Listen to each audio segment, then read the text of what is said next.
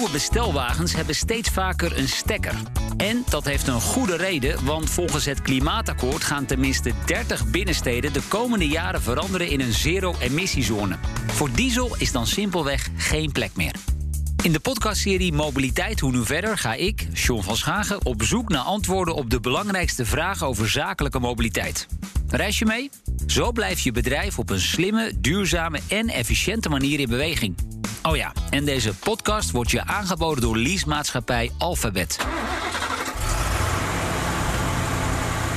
Dit geluid kennen we al heel lang. Maar inmiddels horen we het steeds vaker op deze manier.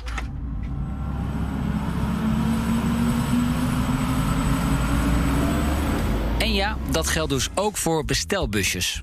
Het aandeel van diesel dook daar onlangs voor het eerst onder de 90% En even ter vergelijking, dat was jarenlang meer dan 99% Wat we dus al langer zien bij reguliere auto's, gebeurt nu ook bij bestelwagens. De trend naar rijden met een stekker is echt ingezet.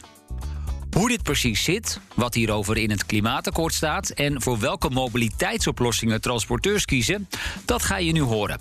Dit is Bestelwagens naar zero emissie. Peter van Nisselrooy is van Alphabet. En we gaan deze aflevering in gesprek met Walter Ploos van Amstel.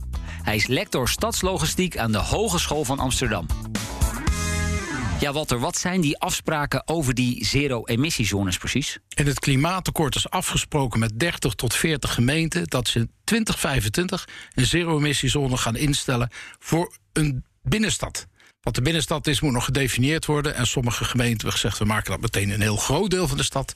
En dat betekent dat vanaf 2025 nieuwe voertuigen, en in eerste instantie bestelvoertuigen, zero-emissie moeten zijn. Dus geen diesel meer, geen gas, geen benzine. En weten we hoeveel CO2-besparing dat gaat opleveren? Ja, 1 megaton. En dat is ook de doelstelling die we hebben ten aanzien van de besparing op CO2 in stadslogistiek. Peter, nu begrijp ik wel, 2025 eh, werd lange tijd genoemd, maar er is uitstel, hè? Ondernemer Nederland heeft een overgangsperiode gekregen tot eind 2027 als het gaat om de lichte bestelauto's. En tot 2030, als ik me niet vergis, wel te, te voor de vrachtauto's. Dus er is enige ruimte. Dat nemen wij ook mee in onze adviezen vandaag de dag. Een bestelauto die je vandaag de dag aanschaft is een Euro 6 diesel. En die Euro 6 diesel mag tot eind 2027 die zero-emissiezones nog in. Ja, maar dat is nog maar vijf jaar. Dat is nog maar vijf jaar. En als we weten dat de gemiddelde levensduur of inzetduur van een bedrijfswagen vijf, zes, soms acht of negen jaar is, dan is het echt nu tijd om over zaken na te gaan denken. Nu hebben we het over bestelbusjes. En heel veel mensen zouden dan misschien denken dat gaat vooral over pakketvervoerders, transporteurs uh, en dergelijke. Maar eigenlijk het gros van die bestelbusjes uh, komt voor rekening van een heel ander soort ondernemer. Ja, en dat is wel, denk ik, uh, misschien nog wel het grootste probleem. Die pakketbezorger en die transportdiensten, dat is niet zo'n probleem. Dat zijn auto's die s'avonds vaak op de locatie staan van, uh, van de werkgever. Denk aan de bekende uh, pakketbezorgers. Al die auto's staan s'avonds bij een hub, bij een distributiecentrum. De grootste uitdaging zit met name bij die ondernemer die de, die de bestelauto meegeeft uh, met de medewerker naar huis. Omdat hij s ochtends om zes uur op pad gaat. Als metselaar, als timmerman, in de bouw actief is, als service engineer of historisch dienst heeft. En daar zit wel een hele belangrijke uh, uitdaging, juist voor die doelgroep, om een haalbare business case te maken voor zero-emissie. Zie jij dat jullie klanten in ieder geval daar al mee bezig zijn? Of is het iets waarvan de meeste ondernemers nog denken: ach, dat zal mijn tijd wel uitzingen? We zien met name bij de corporate klanten, de, de grotere fleet owners in Nederland, die zijn daar wel al een paar jaar over aan het nadenken. Die zijn er beleid op aan het maken, ingegeven door hun eh, duurzaamheidsdoelstellingen, hun CO2-footprint. Die hebben echt die transitie nou ja, in gang gezet is misschien nog wel uh, een stap te ver, maar ze zijn er wel actief mee aan de slag. Om een klein voorbeeld te geven. Afgelopen jaar hebben wij een behoorlijk aantal elektrische bedrijfswagens mogen, mogen inzetten als alfabet. Dit jaar hebben wij eh, in de eerste vier maanden ruim 25% van onze bestelde eh, bedrijfswagens was al een zero-emissie bedrijfswagen. Dus dat gaat echt wel in een stroomversnelling. Dat gaat heel hard nu. Het gaat, uh, het gaat nu heel hard, maar vooral vanuit de corporate uh, klantgedachte. Dus de kleine loodgieter, de kleine aannemers, hè, die massaal elke dag weer richting die grote steden gaan om daar hun werk uit te voeren, daar leeft het nog niet zo. Daar leeft het uh, ten eerste nog niet zo. Um, en als het er leeft, dan leeft het vooral omdat men heel veel uitdagingen ziet van hoe gaan we dit nu allemaal voor elkaar boksen. Want hoe gaan we er nu voor zorgen dat die medewerker van A naar B komt? Want wat je al aangeeft, die gaat vanuit zijn woonlocatie naar de binnenstad. En dat zijn vaak al 30, 40, 50 kilometers. Nou, en met de actieradius van zo'n uh, van zo'n bedrijfswagen vol met lading... Ja, wordt dat wel een hele uitdaging om s'avonds weer op tijd naar huis te kunnen. Twee derde van de voertuigen, bestelvoertuigen... is in handen van een ZZP'er en een MKB'er met minder dan vijf mensen. Het tweede probleem dat die sector heeft... is dat het voornamelijk ook tweedehands busjes zijn. De eerste ronde zes tot acht jaar rijden... maar de gemiddelde bestelauto in Nederland rijdt tot tien jaar rond... En met name die categorie tweedehands is best een issue. Want het voertuig mag dan best een hele mooie kostenpost hebben in het dagelijks gebruik, elektrisch. Zijn inmiddels misschien zelfs wel goedkoper dan diesel. Maar daar hebben die kleine ondernemers geen boodschap aan, want die moeten geld gaan lenen om initieel te investeren in dat veel duurdere elektrisch voertuig. En dat is best een hele grote uitdaging. Je ziet nu ook de eerste gemeente terugtrekkende bewegingen maken over de zero-emissiezones. Vanwege zorgen die ze hebben over die lokale kleine ondernemer. Maar betekent dit nu bijvoorbeeld ook dat, laat ik het voorbeeld geven van mijn eigen broer. Die heeft een trappenbedrijf, een eenmansbedrijf. Hij heeft net een nieuwe bestelbus gekocht, diesel. En hij doet heel veel werk in Amsterdam. Wat betekent dit nou concreet voor zo'n ondernemer?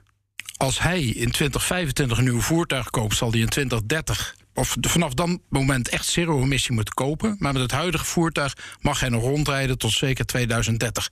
Mits het inmiddels een schone diesel is. Euro 6. En weten we ook om hoeveel uh, vrachtwagens, want laat ik die er ook maar even bij nemen, en bestelbusjes het in Nederland gaat? Ja, als we kijken naar wat er regelmatig in die beoogde binnensteden komt, dan praten we over 400.000 tot 500.000 bestelauto's. Dat is de helft wat er in Nederland rondrijdt. En ongeveer 40.000 vrachtwagens. Nu zien we dus bij Alphabet inmiddels al een kwart van de nieuwe bestelbusjes die wordt geleverd, uh, is elektrisch aangedreven. Zijn er eigenlijk wel voldoende schone alternatieven beschikbaar? Als we kijken naar de komst van bestelauto's in de markt, dan zien we buiten de klassieke merken als Mercedes, Fiat, Volkswagen, die komen met een aanbod. Maar het is nog heel mager in aantallen. We kunnen er niet 40, 50.000 per afnemen. Maar we zien ook nieuwe spelers uit China, Engeland, Amerika, Arrival, BYD. die met een totaal nieuw aanbod aan bestelauto's komt. Dus het aanbod komt er wel, maar zeker nog niet in de mate waarop we het nodig hebben. Dus daar moet echt nog wel wat gebeuren op dat uh, gebied? Beschikbaarheid is echt nog een probleem. Maar ook nog de betrouwbaarheid. Want het is niet vanzelfsprekend dat je op dezelfde manier kan rijden met dat voertuig als met die diesel. Nee, um, laten we daar inderdaad even op inzoomen, Peter. Um, de grootste of een van de grootste uh, uitdagingen lijkt mij het laden. De laadinfrastructuur. Hoe, hoe kijk jij daarnaar? Ja, dat is uh, absoluut een feit. Uh, wat Walter al schetst. Uh, als je kijkt naar het aandeel bestelauto's, wat zeg maar in het kleinzakelijke segment zit, of in het middengrootzakelijke segment, dat is enorm. Dat is, daar zit echt het zwaartepunt van het aantal bedrijfswagens. En juist daar hebben we het probleem van waar gaan we laden.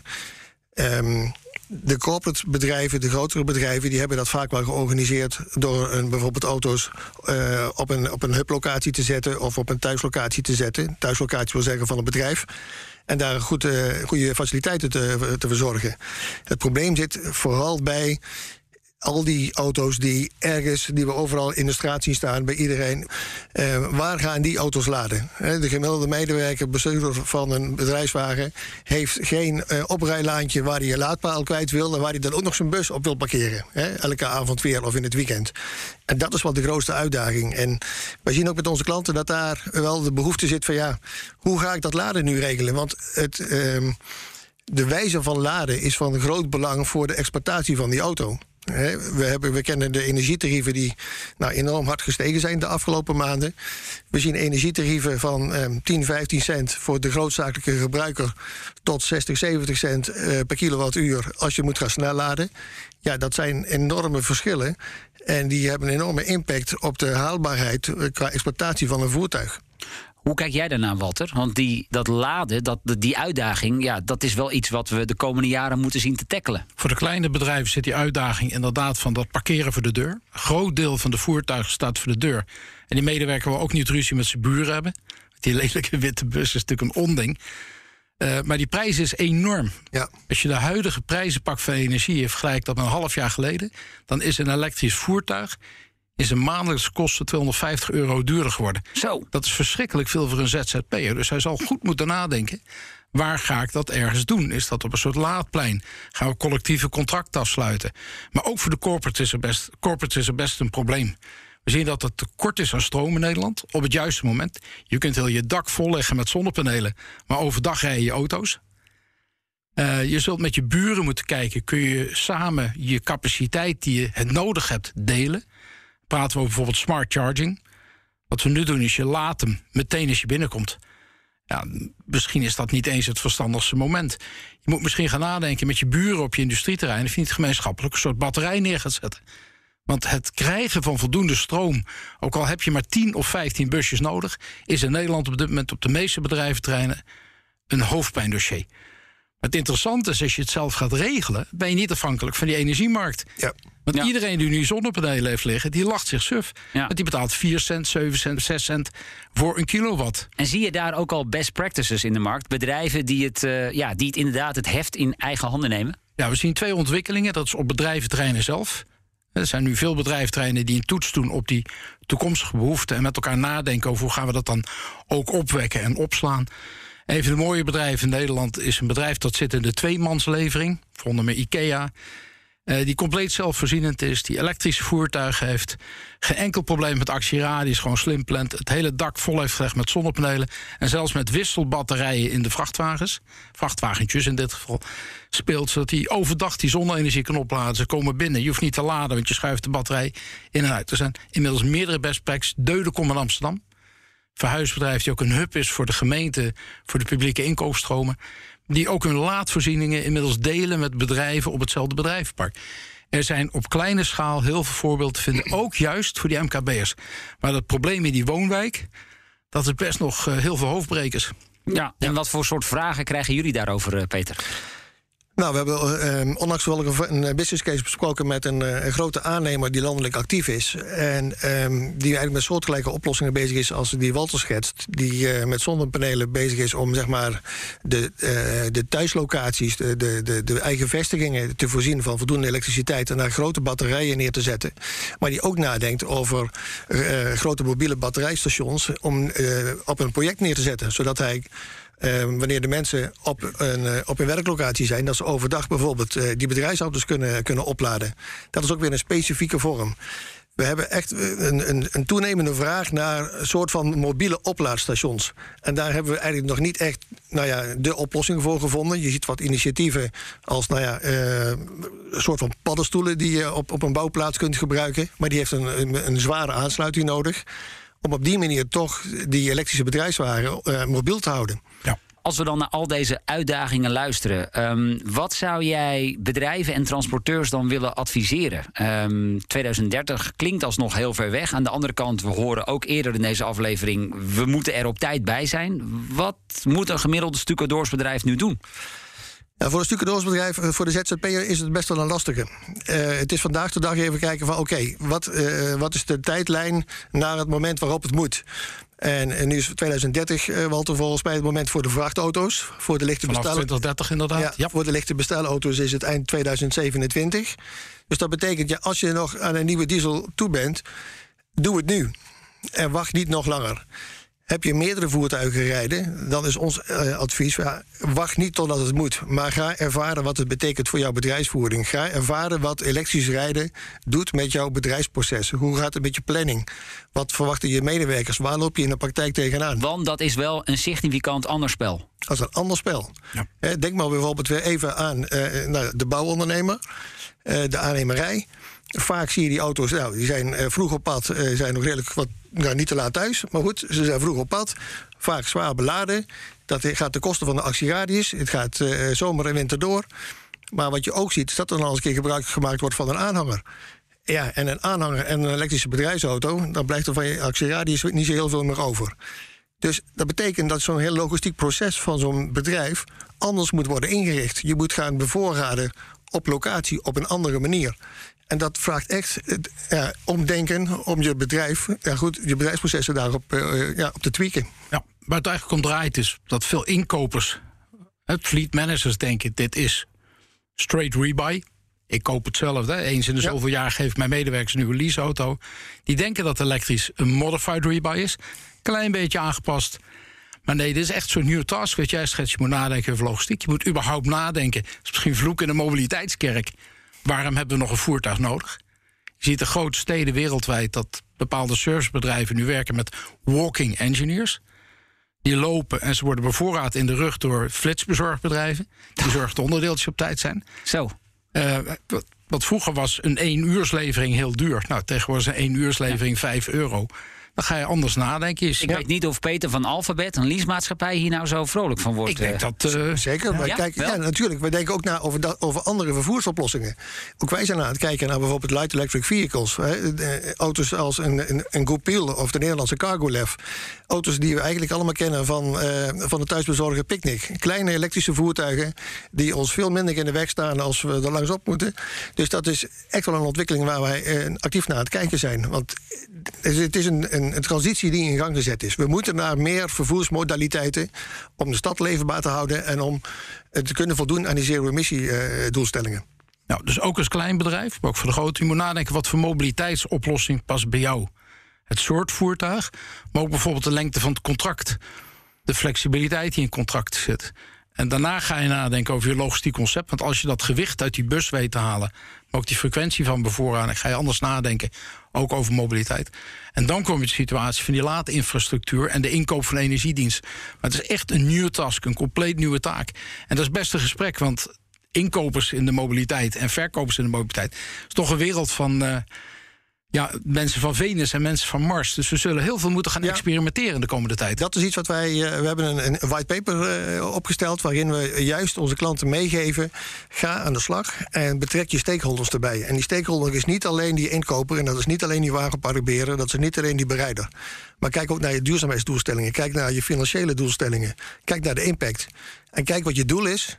En wat de weg is om er te komen. Want je gaat elkaar uh, tegenkomen op, op tegenstrijdige belangen. En dus moet vanaf het eerste moment moet helder zijn waar, waar willen we heen met z'n allen. Want we moeten naar een oplossing toe. En die kunnen we alleen maar bereiken met, ja, met, als we de, de krachten uh, bundelen. Ja, je zegt waar moeten we heen met z'n allen? Ik kan me misschien voorstellen, Walter, dat er ook ondernemers zijn die denken: ach, het is al een keer uitgesteld. Uh, gemeentes hebben straks toch hun huiswerk niet gedaan. Uh, we gaan naar 2035. Hè, het wordt nog wel wat later. Um, hoe reëel is dat? Het zou best reëel kunnen zijn dat er uitstel komt voor bepaalde categorieën. Er zijn allerlei ontheffingsregelingen, zoals hele oude kermisvoertuigen en van die oude patatbussen. Weet je, als een grote XI-bus van Citroën, er komen wat uitzonderingen. Maar het is heel dom om niet na te gaan denken nu alvast, want ze komen. Het tweede is, absoluut laten alle onderzoeken zien dat elektrisch rijden gewoon op termijn een stuk goedkoper is dan diesel. En niet in de laatste plaats. Stel je voor, je bent monteur van zonnepanelen. Je komt met zijn oude diesel voorrijden. Ja, dat kan niet, hè? Dat past nog meer. Ja. Zelfs Nee. bij een Honda uitlaatservice rijdt inmiddels elektrisch. Nou, als zij het kunnen, dan moet eigenlijk iedereen in Nederland kunnen. En wacht niet, ga het gewoon doen. Ga leren. Zeker wat betreft die chauffeur. Een slechte chauffeur in een diesel rijdt 10% meer diesel. Zijn gemeenten En hier. het zijn elektrische, in een elektrische auto drie keer zoveel brandstof. Begin er op tijd aan. Ga niet zitten wachten tot het echt over je wordt afgeroepen. Nee, dat is duidelijk. Zijn gemeenten hier klaar voor? De gemeente is absoluut klaar. Het is een kwestie van de plaats van een bord. Dat hebben we ook al gezien met de milieuzones. En dat zien we met gewichtsontheffing. Gemeente hoeft niet veel te doen. Die hoeft alleen maar te zeggen, je mag er niet meer in. De gemeente gaat niet voor onze laadinfrastructuur zorgen. Dat zullen bedrijven zelf samen met elkaar, samen met hun aanbieders van mobiliteit moeten oplossen. De gemeenten gaan dat laadinfrastructuurprobleem niet voor de zakelijke markt oplossen. Dat is een belangrijke En boodschap. daar zit wel een, eh, ja, daar zit wel de uitdaging. Hè. We hebben het al een paar keer over gehad. Juist daar zie je van waar gaan we dat nu doen? Hè? Hoe gaan we dat faciliteren? Puur in de logistiek. Hè, Kijk in je straatbeeld nogmaals. Overal zien we die auto's staan. En daar moeten we. eh, En ik denk dat we daar toch de gemeente op een gegeven moment voor nodig hebben. om ergens maar ja, locaties te faciliteren. om iets zoiets te kunnen doen. En dat dat bedrijfsmatig zal worden geëxporteerd. Dat geloof ik wel. Maar zij gaan luisteren naar ons en vragen wat hebben jullie nodig als sector. En dat kunnen laadpleinen zijn. Ja. Dat kunnen mobiliteitshubs in de buurt waar mensen wonen zijn. Dat kunnen microhubs zijn. Kleine hubs in de stad waar we kunnen overstappen van een groot voertuig. Of bijvoorbeeld een cargofiets, dat zien we nu heel populair in de surflogistiek. Of grotere hubs aan de rand van de stad. Waar we voertuigen neerzetten, misschien wel met elkaar gaan delen. Waar onze voorraad ligt. Op al die drie niveaus zullen we ergens in die stedelijke planning mee moeten. Maar de vraag voor alle gemeenten wordt: hoe kan ik jullie als bedrijfsleven helpen? Dus we zullen met elkaar eerst dat antwoord moeten bepalen. Walter Ploos van Amstel, lector stadslogistiek aan de Hogeschool van Amsterdam. Dankjewel. Ja, Peter van Nistelrooy van Alphabet. Um, ik eindig deze podcast met jou. En uh, wat ga jij uh, onthouden en doorvertellen? Wat ik ga onthouden en ga doorvertellen is: wacht niet. Uh, ga beginnen. Ga ervaren. Ga leren. Ga ervaring opdoen. ga evalueren. En zorg dat je voorbereid bent op, uh, op de nieuwe werkelijkheid. Want het is de nieuwe werkelijkheid. En wat ik ga onthouden, elektrisch rijden is echt een ander spel. Elektrisch rijden is echt een ander spel. Vraagt een, om een andere discipline. Vraagt om ander gedrag. En uh, ook elektrisch rijden, het kan heel goed.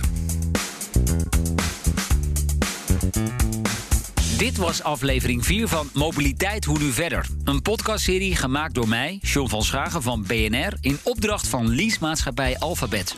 Check ook onze andere aflevering in deze serie... over leasen na corona en flexibel je zakelijke mobiliteit regelen bijvoorbeeld. Vond je deze podcast interessant? Raad hem dan zeker ook nog even aan bij vrienden en collega's. Dank voor het luisteren.